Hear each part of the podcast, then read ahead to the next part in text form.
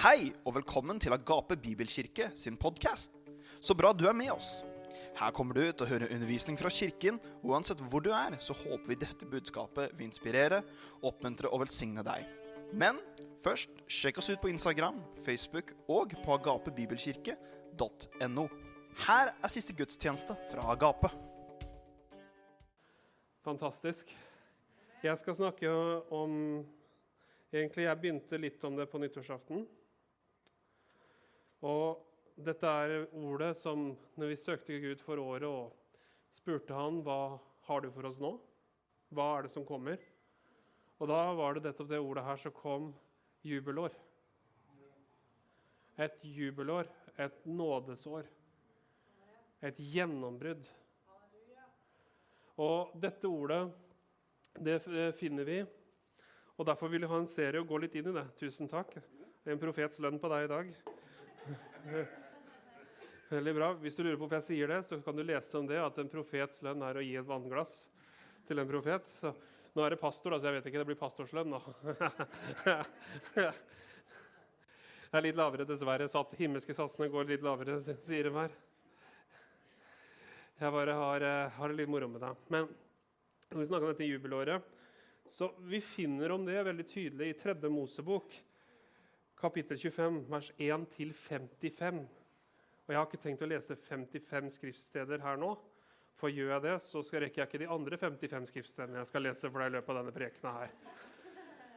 Så, men la meg oppsummere det litt for deg, hva jubelåret inneholder. Og så får du en liten lekse. Du kan gå hjem etter gudstjenesten, slå opp i Bibelen din og gå inn i 3. Mosebok, kapittel 25 og lese vers 1-55. Og så lar du Den hellige ånd snakke til deg. Men et jubelår det var sånn at På Israel så var det sa at det skulle være et år av hvile. var det det skulle være hvert sjuende år. Som vil si at de, for, de, skulle dyrke marken, de skulle jobbe, de skulle gjøre alle disse tingene. Og samle opp gjennom de årene. Men det syvende året kom, så skulle de la jorda få hvile. For at det skulle kunne gi mer høst. Så Derfor så er det så viktig at det begynner med det. Men så kom det de kalte for et sabbatsår. Det var det som var syv ganger sju. Og hvis du sju ganger sju, det blir hva da? 49. Og da det påfølgende året kalte de et jubelår. Det 50. året. I det 50. året så var det sånn at ingen skulle streve på marken. Så da blir det stille i Rakkestad det året. Men nyte Herrens velsignelse og leve av den. Det er hvis du tør en parallell, det er når Israel er i Egypt. Så er det så at de samler opp mat i flere år, for når den tøffe tiden kommer inn, så har de mat å leve av. Så dette var en veldig vanlig måte for dem å tenke på. Og derfor, så, Hvis du ser alt som har med Guds rike å gjøre, går rundt sju. På den syvende dagen så hvilte han. I det sjuende året skal du la barken hvile. Det er, dette går igjen og igjen og igjen. Syv, syv, syv, syv. Vel, hvis du liker tall og numerologi, og alt sånt her, altså det er noen som blir helt opptatt av det, men jeg syns det er litt morsomt å bare se på tall. Men ofte så sier vi det at menneskets tall er fire, men Guds tall er tre. Og når du setter de sammen, så får du sju. Så det er Gud i mennesket, det er Guds plan for verden. Så Derfor så går vi rundt sju. Uh, det som var spesielt i jubelåret, hvert 50. år Hadde du gjeld, så ble den gjelden sletta. Så hvis du går, tar, deg opp et svært huslån, bare pass på at du vet når jubelåret kommer, så, må, så kan du sende mail til banken din og si at i år er det jubelår. Har du DNB, så får du bare, kan du må sende dem til tredje Mosebok først. og så kan du lese. Men det 50 året så skulle gjelden bli sletta. Og det som også var, Hvis noen var slaver For det var sånn at Du har hørt kanskje uttrykket 'gjeldsslave'. Har du hørt det? Kanskje du føler deg som en gjeldsslave? Kanskje du har vært det. Men en gjeldsslave på den tiden var sånn hvis ikke du kunne betale, så var det ikke noe Nav å gå til. Da tok de deg, de tok familien din, og de, to, de solgte barna dine som slaver. Og de måtte jobbe for noen andre, og de fikk ikke lønn for det. De, bare, de var slaver. I det 50. året så ble alle slavene satt fri. Verdens system så er det ingen utgang av slaveri. Men Gud satte det sånn at det skulle ikke være slik i Israel. Så det 50. året så ble de satt fri, alle sammen. Og det ble ropt ut for hele landet i år er jubelåret. All gjeld er slettet. Alle slaver er satt fri. Og hadde noen mistet eiendommen sin, så fikk de den tilbake. Det er veldig sterkt. Så hadde banken tatt huset ditt, så kunne du kommet til dem i jubelår og sagt nå vil jeg ha det tilbake. Det var jubelåret på den tiden. Jubelåret er et bilde på hva som skjer når Jesus dør for oss på korset og står opp igjen. Så det er det første jeg sier det, at jubelåret beskriver hva vi har i Kristus Jesus. Og det er den hovedsannheten som ligger i jubelåret. Hovedsannheten er der. Men for Agape i år så opplevde jeg at i år kom det til å bli et spesielt år. Et spesielt jubelår for oss. Og du vet Noen ganger i Bibelen så kan Gud ta et ord ut for deg og opplyse det. Nå gjelder spesielt et ord for denne sesongen. Og Derfor så vil jeg preke her om det da. Jeg vil preke litt om det, hva et jubelår innebærer. For ja, men Forklarte jeg ikke hele serien her nå? Mm, basically, Men jeg skal vise deg hva det betyr. For når Jesus kommer inn, så er det det 50. året som på en måte begynner. For det Jesus gjør, har han gjør for noe? Han går og setter de fangene fri. Han tilgir dem fra syndgjeld. Han gir dem tilbake det de har mista. Ser du det? Det gjør Jesus gjennom hele evangeliet. Det er det 50. året. Jesus begynner å gjøre det, og Israel skjønner det ikke. Og Det fullføres med at han dør på korset og står opp igjen og setter seg ved Faderens høyre hånd. Og så øser han Den hellige ånd over folket. Dette er jubelåret. Så derfor, når vi snakker om det her Det betyr ikke at et jubelår betyr fravær av problemer. Det betyr ikke fravær av motstand. Det vil være en gang når vi alle er i himmelen, eller når Jesus har kommet igjen. Hvor det vil bli en evigvarende. Det blir ikke noe djevel, det blir ikke noen ting. Men det er ikke det jeg snakker om nå. Jeg snakker ikke om fravær av motstand, men jeg snakker om et gjennombrudd. Henger du med meg? Dette gjelder for oss i dag. Så jeg har lyst til å begynne å snakke om en person i Bibelen. Og hun heter Maria. Så det kan være en Maria. Kanskje. Marias jubelår. Så tenker du, Hvor i Bibelen står det om Marias jubelår? Jeg skal vise deg. Men det er ordet jubelår blir ikke brukt der. Men det er det som skjer. Er du klar? La oss gå til Lukas evangelium, kapittel 10, vers 38-42. Så jeg skal si det saktere, så du får det med deg. Lukas evangelium, kapittel 10, vers 38-42, for deg som ønsker å slå opp i Bibelen din. Hvis du er litt old school og du liker papir, så bruk det. Og jeg vil faktisk oppmuntre alle til å bla i Bibelen sine om de liker skjerm mer eller ikke. Så kona mi er veldig enig i det. Hun, hun, er, eh, hun skriver alt i notatbøker. Hun leser alle bøker fysisk. Så, og det er en bra ting. Det er mer heldig, sier hun. Jeg sier at å lese på notatbøker er litt mer helhetlig Nei. Så da kan du ha alle oversettelsene på en gang. Jeg er veldig sånn, jeg liker kryssreferanse og alt mulig på en gang. Så jeg er veldig sånn. Men Maria, da kan vi se, da kommer Jesus. Han kom inn i en landsby. og Det var en kvinne som het Martha, som ønsket ham velkommen i sitt hus. Og Hun hadde en søster som het Maria. Hun satte seg ned ved Jesu føtter og lyttet til hans ord. Maria, eh, Martha var travelt opptatt med tjenestearbeidet. Da gikk hun bort og sa, 'Herre, bryr du deg ikke om at min søster har latt meg være alene med å tjene?' Herlig søskenkjærlighet her på plass. Si derfor til henne at hun skal hjelpe meg. Jesus svarte henne, 'Martha, Martha.' Dette er en klu i Bibelen. Når Jesus sier noe to ganger, da må du følge med. Martha, Martha, du er bekymret og urolig for mange ting. Men ett er nødvendig. Maria har valgt en god del som ikke skal bli tatt fra henne. Så bare for å gi deg litt kontekst der, Jesus besøker en landsby som ikke ligger så langt unna Jerusalem. Den er veldig nær. Den kalles for, eh, På, hebra, på, hebra, på hebraisk var det Bithania. Og det er det vi får eh, navnet Betania av. Så Betania er jo et veldig vanlig navn på mange menigheter. Og, og betydningen av det er litt omrevet nå, for nå kalles Betania Lasarus by. I flere i, i, i området. Det er veldig interessant. For du skjønner, Lasarus og Martha og Maria bodde i Betania. Så henger du med meg?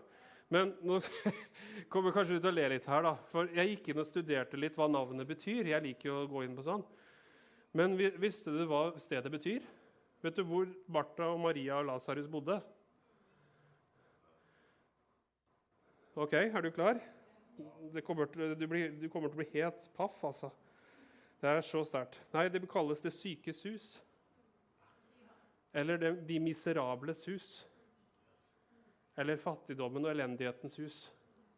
Det var navnet jødene satte på der. Jeg var ganske sjokkert.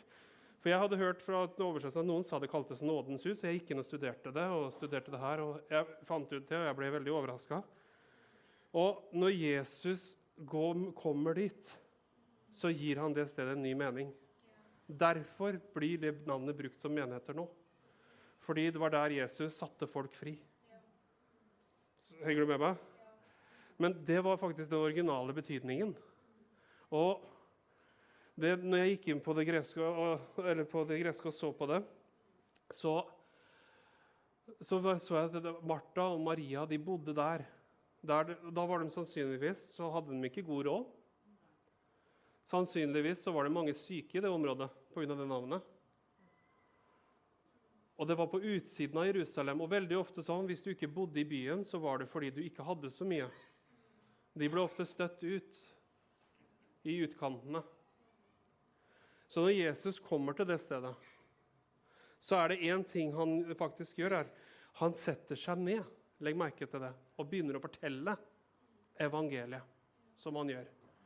Og Martha tenker oh, Wow, he's here! Jesus is here. Let's clean.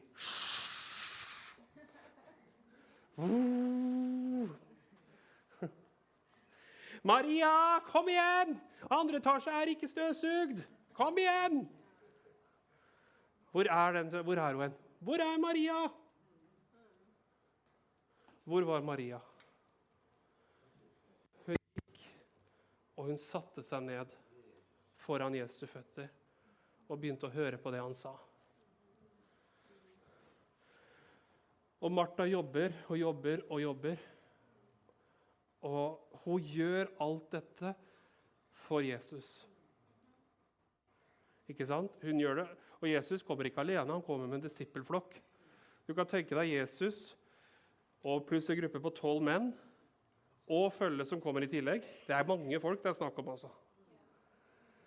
Du kan tenke deg, Hvis du møtte opp kanskje 20 personer ute i huset ditt uanmeldt, hva hadde du gjort? Jon, begynn å støvsuge! Hadde bare sagt da.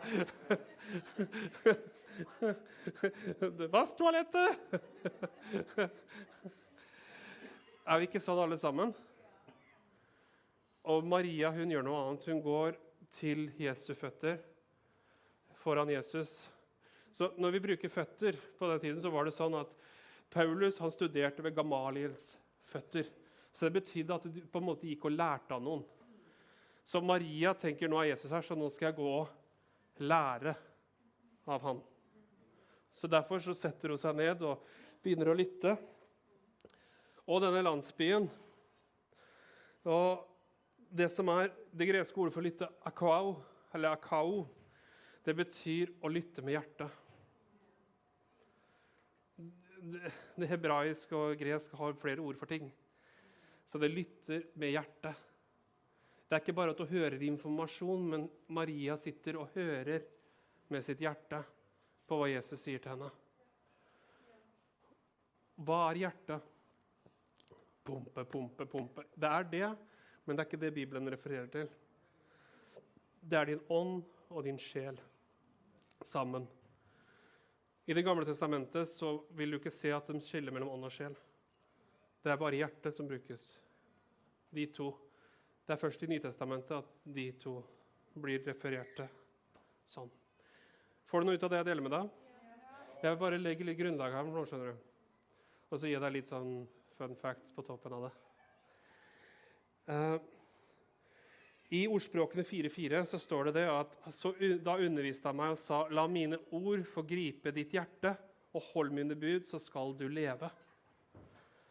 Ordspråkene 4.20-23 så står det Min sønn, gi akt på mine ord, bøy ditt øre til min tale.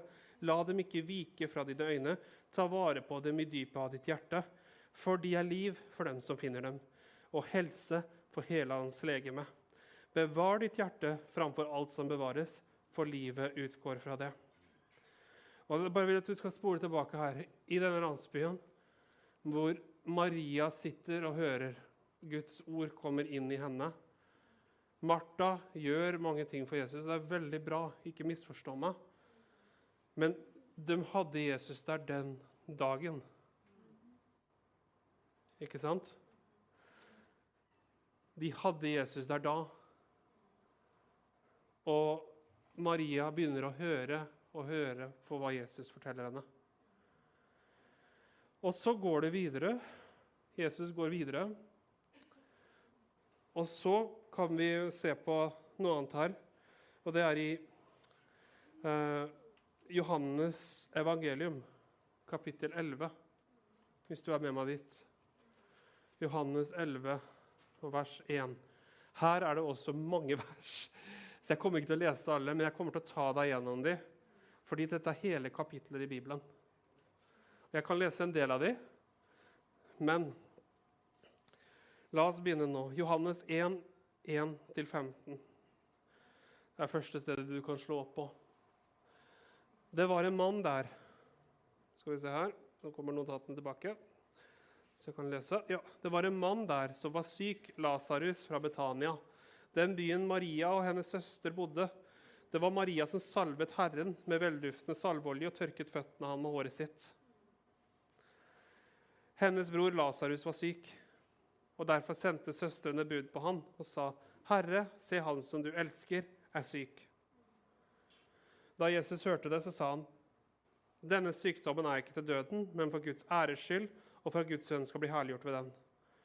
Jesus elsket Martha og hennes søster og Lasarus. Bare for å få det til å De vet at Jesus elsker dem. Så når Lasarus er syk, så løper de til Jesus og sier, 'Lasarus kan dø. Han er veldig syk.' Det som skjer, Jesus venter to dager før han går. Og i mellomtiden så dør Lasarus. Så Lasarus Og når Jesus ankommer dit, så har han ligget i graven i fire dager. Så dette er, dette er, tingen, Selv om Israel ikke er et stort land, så tar det lang tid å krysse det til fots. Og du kan tenke deg varmen og alt det. Og så står det at når Jesus kommer dit, så er det også en tid hvor Jesus blir veldig forfulgt. De har prøvd å steine han bare rett før i samme område, og nå skal han tilbake igjen. Og derfor, så Hvis du leser i vers 19 akkurat nå, så står det mange av jødene var, var kommet til kvinnene som var sammen med Martha og Maria, for å trøste dem i sorgen over deres bror. Med det samme Martha hørte at Jesus kom, så gikk hun han i møte. Men Maria satt igjen i huset. Martha sa da til Jesus, 'Herre, hvis du hadde vært der, hadde ikke min bror vært død.' Men nå også vet jeg at alt det du ber om, vil Gud gi deg. Jesus sier til henne, 'Din bror skal stå opp igjen.' Martha svarer, 'Jeg vet at han skal stå opp igjen i oppstandelsen på den siste dag.' Jesus sa til henne, 'Jeg er oppstandelsen og livet. Den som tror på meg, skal leve og selv om han dør.' 'Og hver den som lever og tror på meg, skal i aldri evighet dø.' Tror du dette? Hun svarte han, 'Ja, Herre, jeg tror du er Kristus, Guds sønn, han som kommer til verden.' Vers 28. Da, hadde, da, hun hadde sagt dette, gikk hun bort og kalte i, i, i all stillhet på sin søster Maria og sa:" Mesteren er her og spør etter deg. Med det samme hun hørte det, reiste hun seg opp og kom til ham. Nå var Jesus ennå ikke kommet inn i byen, men var fremdeles der Martha hadde møtt ham. Jødene var sammen med henne i huset og trøstet henne. Så at Maria brått reiste seg og gikk ut. Da fulgte de med henne og sa hun går til graven for å gråte. Da Maria kom dit hvor Jesus var, fikk hun se han, så falt hun ned ved føttene hans og sa, 'Herre, hvis du hadde vært her, hadde ikke min bror vært død.' Da Jesus så både henne og jødene som kom sammen med henne gråte, ble han opprørt i ånden og beveget. La oss også lese neste. Jeg skal ta den med, fra vers 38 her. La oss gå litt lenger ned. Når Jesus kommer bort til graven, så blir han igjen opprørt i sitt indre. og Graven var en hule, og en stein lå foran den. Jesus sier, 'Ta bort steinen.' Martha, den avdøde søster, sier til han, 'Herre, han stinker allerede, for det er den fjerde dagen.' Jesus sier til henne, 'Sa jeg ikke at hvis du tror, så skal du få se Guds herlighet?' Da tok de steinen bort fra stedet der den døde lå. Jesus løftet blikket og sa, 'Far, jeg takker deg for at du har hørt meg, og at jeg vet at du alltid hører meg.' Men pga. folket som står rundt her, sa jeg dette for at de skal tro at det er du som har sendt meg. Da han hadde sagt alt dette, ropte han med høy stemme, 'Lasarus, kom ut hit!' Han som hadde vært død, kom ut med liksvøp rundt hender og føtter. Ansiktet hans var inntullet i en svetteduk. Jesus sier til dem, 'Løs han og la han gå'. Grunnen han sier 'løs han', er fordi at kroppen hans er bundet opp. Det er ikke sånn at han bare OK, kommer ut sånn og går. Nei, han, han er bundet fast med alt som er, og ansiktet dekka til. Så det er mer sannsynlig at han kom sånn ut av grava. Og det som bare får ta her nå Det er noen ting som skjer her, skjønner du, som er veldig, veldig interessant. Men legger du merke til at Martha og Maria sier det samme til Jesus? Herre, hvis du hadde vært her, så hadde min bror ikke vært død. Men de oppfører seg veldig annerledes. Legger du merke til det? Og derfor så Du kan si det samme, men på forskjellige måter. Og mene noe forskjellig. For eksempel hvis jeg går opp her hvis noe tragisk hadde skjedd, så kunne jeg gått opp. Hvis du hadde vært her, så hadde han ikke dødd. Men jeg vet at du, du kan jo sikkert ordne noe. Men virkelig, hadde du vært her, så hadde han ikke vært død. Eller så kan det være Herre, jeg vet Hadde du vært her, så hadde han ikke dødd. Det er én måte å si ting på som er Hadde du vært her, Jesus? Litt sånn anklagende. Og den andre kan være i tro. Frustrasjon og tro er noen ganger ikke så lett å skille mellom. For begge har en drive. Henger du med meg? Og det er ofte Den hellige ånd bare som klarer å hjelpe oss å skille mellom de to. Men frustrasjon er drevet av, av oss selv og vår egen sorg eller glede eller sinne eller utfordring mens tro er drevet av hva han har sagt. Henger du med meg? Og så, du skjønner, Hvorfor kan jeg si det? For Maria gjør noe her. Det er veldig sånn På engelsk ville jeg kalt det subtle. Det er veldig sånn, en liten detalj, men denne detaljen er veldig interessant. Hvis du leser i Gamle Testamentet hvordan Israel tilber Har du, har du lest det? Hvordan står de? De står ikke. De legger seg ned. De falt ned. Når Guds herlighet fylte Salomos tempel, så står det at alle prestene og hele folket falt ned og tilba. Hva er det Maria gjør her? Hun sier, 'Herre, hvis du hadde vært her, så hadde ikke min bror vært død.' Og så faller hun ned for Jesu føtter. Husk at dette er jøder som ennå ikke er født på ny, som oppfører seg som Gammeltestamentet Israel. Mye mer enn hvordan vi oppfører oss i dag. Vi oppfører oss ut fra den nye pakt og disse tingene her. Hvorfor vi burde det. Men vi oppfører oss ikke som gammeltestamentlige jøder. Så Maria faller ned for Jesu føtter. Det er en tilbedelseshandling. Og derfor, hvis du legger merke til når Jesus kommer, Martha løper ut av huset. 'Herre, hvis du hadde vært der, hadde ikke min bror vært død.' Ikke sant? Maria, hva gjør hun? Hun sitter i huset og venter til Jesus hadde kalt på henne. Det er, det er ganske interessant her. Det, det, kan virke som veldig små forskjeller når du ser dem, bare leser over det, men det er faktisk to veldig forskjellige måter å agere på og respondere til en situasjon på. Og når Jesus kommer til graven og ser det, så, så, så sier 'ta bort steinen', og første som protesterer, er Martha. Martha var den første til å si at hadde du vært her, Herre, så hadde ikke min bror vært død. Og jeg vet hva den Gud ber, Gud ber deg om, så vil jeg gi deg det. Men Martha er den første til å protestere når Jesus skal vekke Lasarus opp fra de døde. Hvor vil jeg med det her? Jo, Martha visste hvem Jesus var, men hun hadde ikke fått ordet inn i seg. Henger du med meg? Maria har valgt den gode del. Hva er den gode del? Den gode del er det ordet Gud har gitt deg. For når du har det ordet, så har du alt. Veldig mange ganger, Vi vet hva Guds ord sier, vi vet det intellektuelt. Vi har en forståelse av at Jesus er god, og alt det her. Men han vil legge sitt ord inn i våre hjerter. For at når vi har det ordet, så har vi gjennombruddet.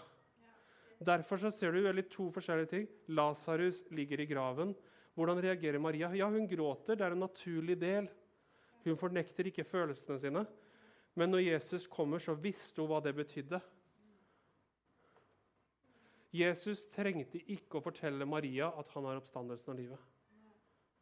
Men ser du at Gud er så god, Jesus er så god, han prøver å gi det til Martha. Ser du det? Og det er den gode nyheten. Om vi ikke har fått tak i ordet hva Gud vil si oss, så kommer aldri Jesus til å slutte å si det til oss. Får du tak i det jeg deler med deg her? Og Lasarus står opp igjen. Og de visste alle tre at Jesus elsket dem. Og du vet, når Gud gir oss sitt ord, så er vi klare. Det at vi har gått inn i Sarpsborg og alt det her, vi gikk inn på et ord. Det var ikke noe vi tenkte at nå kjeder vi oss. Jeg, Laura, jeg skal fortelle, jeg og Laura kjeda oss ikke. Vi hadde nok i hendene, vi. Og vi som menighet hadde mange ting med matutdelingen, med, med, alt vi er med å gjøre, og språkkafé og treffpunkt. Og, altså, mange, vi har ganske høyt aktivitetsnivå som menighet. Ikke usunt høyt, men vi er med å bidra på mange forskjellige ting. Og det er kjempebra. Folk er veldig engasjerte, og vi er, vi, vi er med å gjøre en forskjell her i bygda. Og folk spør meg hvorfor kom dere til Sarpsborg. Liksom, det er jo flere som tenker vi nådde i Rakkestad. Vi fikk et ord. Når du får et ord, så får du også ressursene. Du får også kraften. Du får også ledelsen. Og det som er tingen er at Når Gud gir deg det ordet, så gir han deg ikke noe annet ord. Mange ganger så kan vi være redde for å handle på det ordet. Martha reagerer på en veldig naturlig måte. og Jeg sier ikke for å ta Martha. Martha er kjempeherlig.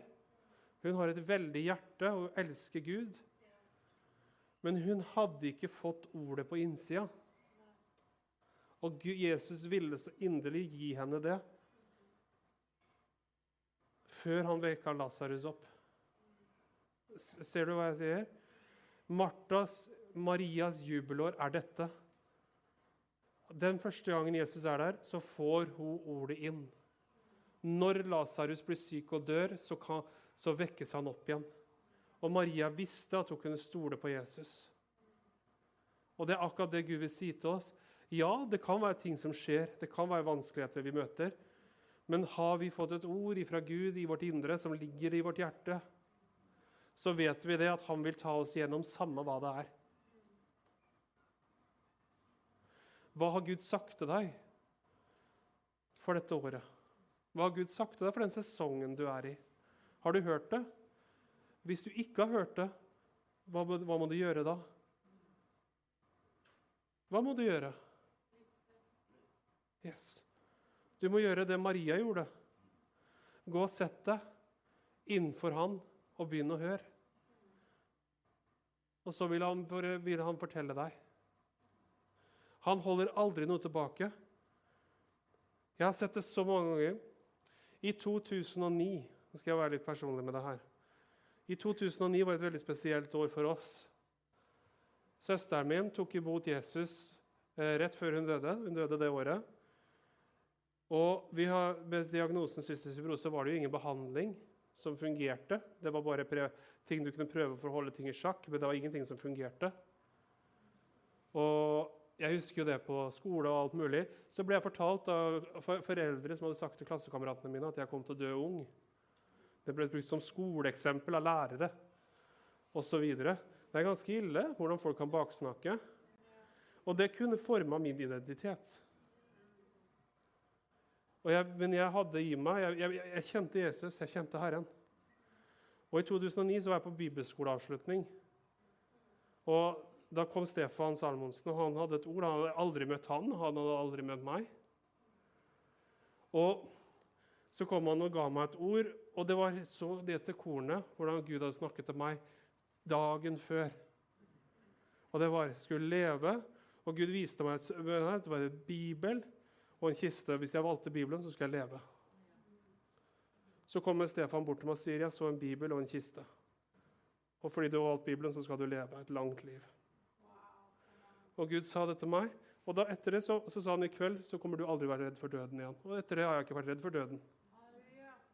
Fordi jeg visste det. Så hvorfor sier jeg dette for deg? For det var Herrens ord til meg. Han talte det til meg. På julebord i år, på Norge for Kristus, var jeg og Laura invitert på julebord til Norge for Kristus. Og det var veldig herlig. Vet du hvem jeg satt ved siden av på julebordet? Stefan Salomonsen. Og han sa til meg det. 'Du er frisk', sa han. 'Og du lever.' Og så lo han. Og så delte vi bare alt hva Herren har gjort de siste årene. Er ikke det fantastisk? Ja. Når du får et ord, så tar det igjennom. I 2014 så havna jeg på sykehuset med, med eh, å, Hva heter det igjen? Jeg har til og med glemt hva det er. vet du. Det, det, det er ikke det herlig? Hæ? Eh, nei, ikke appendix. Den tok den også, men det var ikke det. Tarmsling var det. Og jeg har vært på tur i Israel. Fikk tarmsling. Så, og det var en tid hvor vi ble veldig forfulgt pga. menighetsplantningen her. Og jeg ble attakkert, og vet du hvem som attakkerte meg mest? var kristne. Og gjerne andre ledere som var trua. Og det, dessverre så var det sånn. Fordi fienden fikk inngang, ikke sant? Og den tida, Jeg ble så dårlig og så stressa av det, og det tok meg helt ned. Så jeg kom hjem, så hadde jeg fullstendig magen stoppa, kroppen stoppa, alt det her. Jeg havna på sykehuset i flere dager. Jeg, fikk, også, jeg var kjempedårlig. Og det var bare djevelen ikke sant, som prøvde å ta livet av meg. Og så husker jeg så sa de at ja, en av seks dør under den operasjonen. fikk jeg beskjed om. det er fint å høre. Og, og så så, så lå jeg der så sa jeg, Herre, hvorfor er jeg, hvorfor er jeg, en, av fem, hvorfor er en del av de fem og ikke en av de én? Og da sa Gud til meg det. Husker du hva jeg sa til deg? Og så grunnen til at du kommer ut herfra, er pga. Jesu blod. Og da slappa jeg av, og så sovna jeg. Ja, du kan le, men det var akkurat det som skjedde. Og jeg våkna opp igjen, og det ble helt bra. Og det som var viktig da, Selv om djevelen brukte mennesker og det, var, og det er alltid sånn, djevelen bruker mennesker. Noen ganger bruker han kristne, noen ganger bruker han ikke kristne. Men det som var viktig for meg da, det var at det var ordet som tok meg gjennom. Derfor, alltid når Gud har talt et ord, bygg troen din på det. For det er det som tar deg igjennom. Og jeg kom igjennom. Vet du hva? Gud har gjenoppretta relasjon med disse lederne. Er ikke det fantastisk? Jeg har ikke noe nag med dem. Jeg har tilgivelse. For Jesus har tilgitt meg, da burde jeg tilgi dem. Det er nok av kristne i Østfold som sitter hjemme. Den der han sa det på 80-tallet og 90-tallet og 2000-tallet, og jeg vet ikke hva de ikke har sagt på hvilket tall. Hvis du holder fast på utilgivelse, så kommer du ikke til å se Guds ord aktiv. Hvorfor? For det er et hjertesak. Utilgivelse og tro går ikke sammen. Tilgivelse er veien for tro. Og vet du, Jeg er så deilig å, å, kunne gå der. Men Gud ga meg et ord for mitt liv som tok meg gjennom alt. Og Jeg husker leger sa til meg ting, og jeg begynte å le. vet du. Så sa jeg Herren har gitt meg et ord. Du kan være lege, men han er overlege. Så kom jeg inn til legen og sa du må gjøre det her. Og så sa nei, jeg kommer ikke til å gjøre det der. Og jeg hører vanligvis på leger. Altså, ikke. Men Gud hadde gitt meg noe annet. Og så da jeg kom inn, så spurte jeg tilbake hvordan har du fått til det her. sa den. Ja, Gud ga meg et ord. Hva enn du gjør, bare fortsett å gjøre det, sa han. Min venn, ta tak i hva Herren sier til deg for dette året, så blir det et jubelår. Det kan være kriser, det kan være situasjoner, men Guds ord, det han har for ditt liv, for din familie, for ditt ekteskap, det vil ta deg igjennom uansett hva du møter. Det er så viktig når vi snakker om dette med jubelår i år. Ikke bare tenk og si ja, vi får se om det blir noe jubelår, da. Hmm. Men at vi faktisk går og setter oss og gjør som Maria. Og lytter til hva Den hellige ånd sier til oss i år.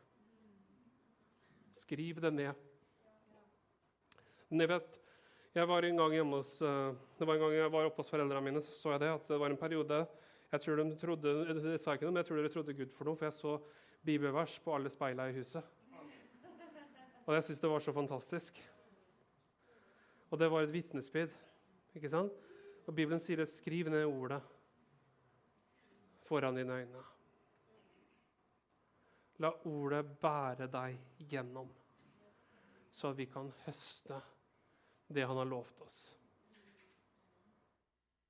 Får du noe ut av det jeg deler med deg? Er du klar for jubelår? For jeg skal, jeg skal snart avslutte. Men jeg skal ta deg et sted til. Går det greit? Og det er gjennom Jesus, og det er Jesaja 61, vers 1-9. Det var det jeg var i begynnelsen innpå. Men og Jesus sa dette når han gikk og satte seg i synagogen og begynte å fortelle jødene. Så fortalte han, Det var det første skriftstedet han starta sin tjeneste. som Han kom til, og han sa, 'Herren, Herrens ånd er over meg.' Fordi Herren har salvet meg til å forkynne et godt budskap for de fattige. Han har sendt meg til å forbinde dem som har et nedbrutt hjerte, til å utrope frihet for de fangene og frigjørelse for de bundne, til å utrope et nådens år fra Herren og hevnens dag fra vår Gud. Sorg, til å trøste alle sørgende og de sørgende i Sion hodepryd istedenfor aske, gledens olje istedenfor sorg, lovprisningens drakt istedenfor en avmektig ånd. Avmektig er på en måte en likegyldighet. At du er på en måte bundet opp i likegyldighet. Uh, ja, De skal kalles rettferdighetens terebinter. Andre oversettes i eiketrær. Jeg syns den er litt lettere for oss å relatere til. Herrens, Herrens plantning til hans ære. De skal bygge opp igjen det som ble ødelagt i eldgammel tid. Gjenreise det som har ligget øde fra største slekter. De skal fornye ødelagte byer, det som har ligget øde fra slekt til slekt. Fremmede skal stå og gjete sauene for dere, og utlendinger skal være deres åkerdyrk, åkerdyrkere og vingårdsmenn. Men dere skal kalles Herrens prester, vår Guds tjenere skal kalle dere. Folkenes gods skal dere ete, og deres herlighet skal gå over til dere. Dere skal få dobbel gjengjeld for deres skam, og de som led vanære, skal nå juble over sitt lodd. Derfor skal, eh, derfor skal de få dobbel lodd i sitt land. Evig glede skal bli dem til del. For jeg, Herren, elsker rett og hater ran og urettferdighet. Trofast vil jeg glede, eh, trofast vil jeg gi dem deres lønn, og en evig pakt vil jeg slutte med dem. Deres ett skal bli kjent blant folkene, og deres etterkommer blant folkeslagene. Og alle som ser dem, skal kjenne at det er en ett som Herren har velsignet. Wow! Det høres veldig ut som et jubelår. Han bytter ut sorgen med gledens drakt. Han bytter ut avmektighetens ånd med, med, med å være kledd i glede. Gud vil gjøre alt dette i våre liv dette året her. Men jeg legger merke til en ting. Husker dere ordet vi fikk for Sarpsborg? I Esekiel? At Herren skulle bygge opp igjen det som fienden ødela. Ser du det her? At det som fienden rana, det skulle Herren gi tilbake. I dobbel del. Si til djevelen i år Dobbel eh, tilbakebetaling, takk. Herren skal gjøre det så godt, og det er det som er i hjertet hans. Herren elsket Maria, Martha og Lasarus. Martha så den dagen at Herren er virkelig wow. Men Maria visste det, og hun så det, og hun hvilte gjennom det fordi hun hadde ordet i sitt hjerte. Men ta, mange menigheter begynner en tid ofte av bønneuker og faste. Vi har ikke gjort det i år. Har du merka det? Ikke fordi vi ikke mener bønna ikke er viktig, men vi opplevde Herren trykka veldig på det her, at vi setter oss ved hans føtter og begynner å lytte med hjertene våre til hva han har sagt. Hva har han sagt for tjenesten dere gjør? Hva har han sagt for familien din? Hva har han sagt for deg i denne tiden? Åpne hjertet ditt og lytt. Hva, for du skjønner, det er ikke det ordet jeg forteller deg. Grunnen til at det med Stefan ble sterkt for meg, var ikke fordi at Stefan sa det. Det var at Gud sa det til meg først. Og det ble en Akkurat som det regner mattestykket på skolen. Det er noen år siden noen av dere har vært på skolen. Men da satte du alltid én strek under svaret, og så kom det én til hvis du var endelig, endelig svar. Sånn fungerer bekreftelse. Gud gir deg den første streken, og så vil han bekrefte det med en strek til. Fordi at du skal skjønne det, at det er Herren som snakker til deg. Er du klar for å høre hva han har for deg? Fantastisk. Jeg tror jeg skal dele dette helt til slutt her. Men dette ordet for comeback er som en paraply. Vi kan få paraplyen på her. Det er sånn det ser ut i Bergen. Og denne paraplyen er som en, på en måte som et skjold for det som faller ned. Ordet som Når Gud gir et ord til Agapekirken, og du er en del av Agapekirken, så er du under den paraplyen. Og Det er ikke noen som har en spesiell plass under paraplyen. Da vet jeg at Hvis du som mann har holdt paraplyen for kona di, så blir du ofte halvveis bløt, mens kona er helt tørr. Men her er vi alle helt under. Ingen er på halvveis uten. Og Gud har det for deg. Og Derfor så Du kan ta det comeback igjen. La dette året være et comebacksår for deg. Noen av dere har hatt ting i 2023 som kanskje ikke gikk, ikke gikk veien. Det har vært tøft. Det har vært vanskelig. Det var ting du hadde håpa og trodd Gud for, som ikke skjedde. La dette året her bli et comeback-år, hvor Gud tar deg igjennom, og du tar tilbake det som fienden stjal fra deg. Yes, come on. Er du klar for det? Vil du ha et comeback-år? Ja! For Gud vil gi det til deg. Amen. Men det begynner ved Jesu føtter. Så Ja. Jeg har alltid med, men jeg skal, tror jeg skal lande det. Jeg tror dette året for å avslutte med det, er et år av hvor han frelser, helbreder og frir oss ut av ting. Men jeg tror også det er et, hvor, et år hvor vi får oppleve å bli hele. Hvor det har vært områder vi ikke har vært. Og det tredje det husker vi snakka om katarsis òg. Er det noen som husker det? Hvis ikke, så får du det nå. Men det betyr å bli gjort fra å være ødelagt eller ikke i stand, til å bli gjort hel og i stand. Og jeg tror akkurat det vil Den hellige ånd gjøre med mange av oss i dette året her. Og gjøre oss hele og i stand for det han har satt for dette tiden. For Jesus ja, han kommer snart, men han vil, han vil iverksette og han vil sette oss alle midt inn i det han har for våre liv. Og her gjør han ikke unntak. Men det begynner ved Jesu føtter. Skal vi avslutte i bønn? Herre, vi takker deg og priser deg for et jubelår som du har lagt foran oss. Men jeg ber deg gjennom dette, det er begynnelsen av året her, at vi tar tid til å sette oss ned og lytte til hva du har for oss. Herre, jeg takker deg for at den samme kraft som reiste Jesus opp fra de døde, er virksom i oss som tror i dag. Herre, jeg ber deg at du bare åpenbarer ditt ord for oss, og at vi skal bare få en full visshet over at du har talt oss, Herre. Og at vi vet at vi kan regne med deg, og vi kan regne med ditt ord. Herre, vi takker deg for det. Ber også helt konkret nå, far, at eh, vi skal ikke være ledet av frustrasjon. Vi skal ikke være ledet av omstendigheter, men vi skal la ordet ditt, Herre, være kompasset vårt. Vi skal la ordet ditt være vår grunnvoll. Og jeg takker deg, Hellige Ånd, at du levendegjør det i oss, slik at vi ser det og vet det, og at vi kan stole på det. Takk, Far, at i tro så hviler vi på det du har gjort for oss. Herre, vi takker deg for det. Takk for et comeback-år et jubelår. Du ser der håpet har vært knust, du ser der folk har gitt opp.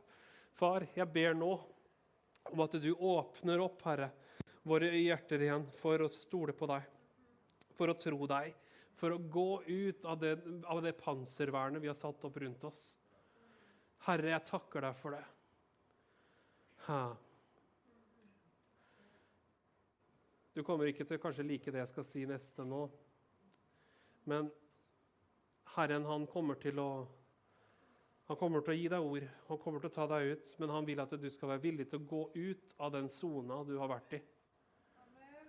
Og det, Da snakker jeg ikke om fysisk sone, jeg snakker om den, den på en måte beskyttelsessona. Ikke engang komfortsone, men en slags beskyttelsessone. For du tenker det der klarer ikke jeg, eller det får ikke jeg til. Jeg er ikke sånn. Eller jeg, jeg, jeg er ikke en av de, ja. Men Gud vil at du skal være villig til å gå sammen med Han ut av den beskyttelsessona. Du vet kanskje du har vært sånn som Martha og Maria og Lasarus, at du bodde i den byen med sykdom og fattigdom og elendighet. Men så kom Jesus og ga et helt ny mening til stedet. Og det er akkurat det. Vær villig til å gå ut av det stedet med han. For han har glede og framtid og håp for deg i dag. Et jubelår for, for deg. La ham få lov å forankre det i ditt hjerte. Sett deg ned og lytt til han. Fyll deg selv med Guds ord helt til du hører han. Hvis du sier ja, men jeg vet ikke hvordan jeg hører fra Gud, ok, åpne Bibelen din, sett deg ned og si, 'Herre, jeg, jeg, vil, jeg vil høre. Hjelp meg å høre.' Og han vil snakke til deg. Det står i Bibelen at det er ingen som skal gå seg bort. Det står til og med til, men en idiot skal ikke gå seg bort, står det i ordspråket. da. Det vil si at alle kan lytte. Alle kan høre. Og Gud vet hvordan han skal nå deg. Men du må sette deg ned og åpne opp for at han kan gjøre det. Gud kommer aldri til å tvinge deg til å høre. Men gi han frustrasjonen din. Gi han frykten din. Gi han det som holder deg tilbake. Gi det til han. Si, 'Herre, jeg gir det til deg.' Og når du gjør det, og så åpner du deg opp for at han kan snakke, så vil han begynne å fortelle deg. Han vil begynne å møte deg og betjene deg. Og hans ord vil ta deg igjennom. I Jesu navn. Amen. OK. Én ting til. Ok, Det er litt sånn flow på det nå. Og det er det med tilgivelse. Den hellige ånd minner meg om det at det er noen som ikke har tilgitt. Og er, Han gjør ikke det for å si at han skal ta oss for det. Nei, nei, nei, Gud er ikke sånn. Men han vil hjelpe deg å tilgi. For når du tilgir, så er du fri fra smerten. Når du tilgir, så er du fri fra fortiden. Ikke la fienden få holde deg i et fengsel som du selv har nøkkelen til. Tilgivelse skjer du skjønner, Tilgivelse er noe veldig åndelig. Derfor så, mange ganger så er det mange som sliter med det her. Fordi at Jesus er opphavet til tilgivelse. Guds rike er opphavet til tilgivelse. Og Derfor så er tilgivelse sånn at vi må alltid gå til Gud først og si, 'Herre, jeg legger det her hos deg. Hjelp, jeg, jeg velger å tilgi.' Det er et valg du tar. Hjelp meg ved å leve det ut. Du skjønner, Er det én som vet hvordan han tilgir, så er det Herren. For han har tilgitt alle oss.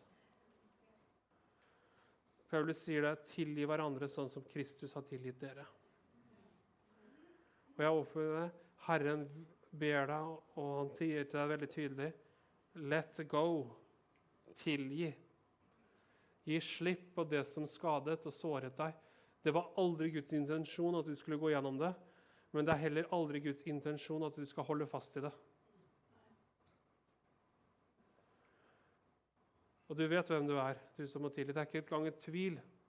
Du vet det med én gang hvis du trenger å tilgi. Det er aldri et spørsmål en gang.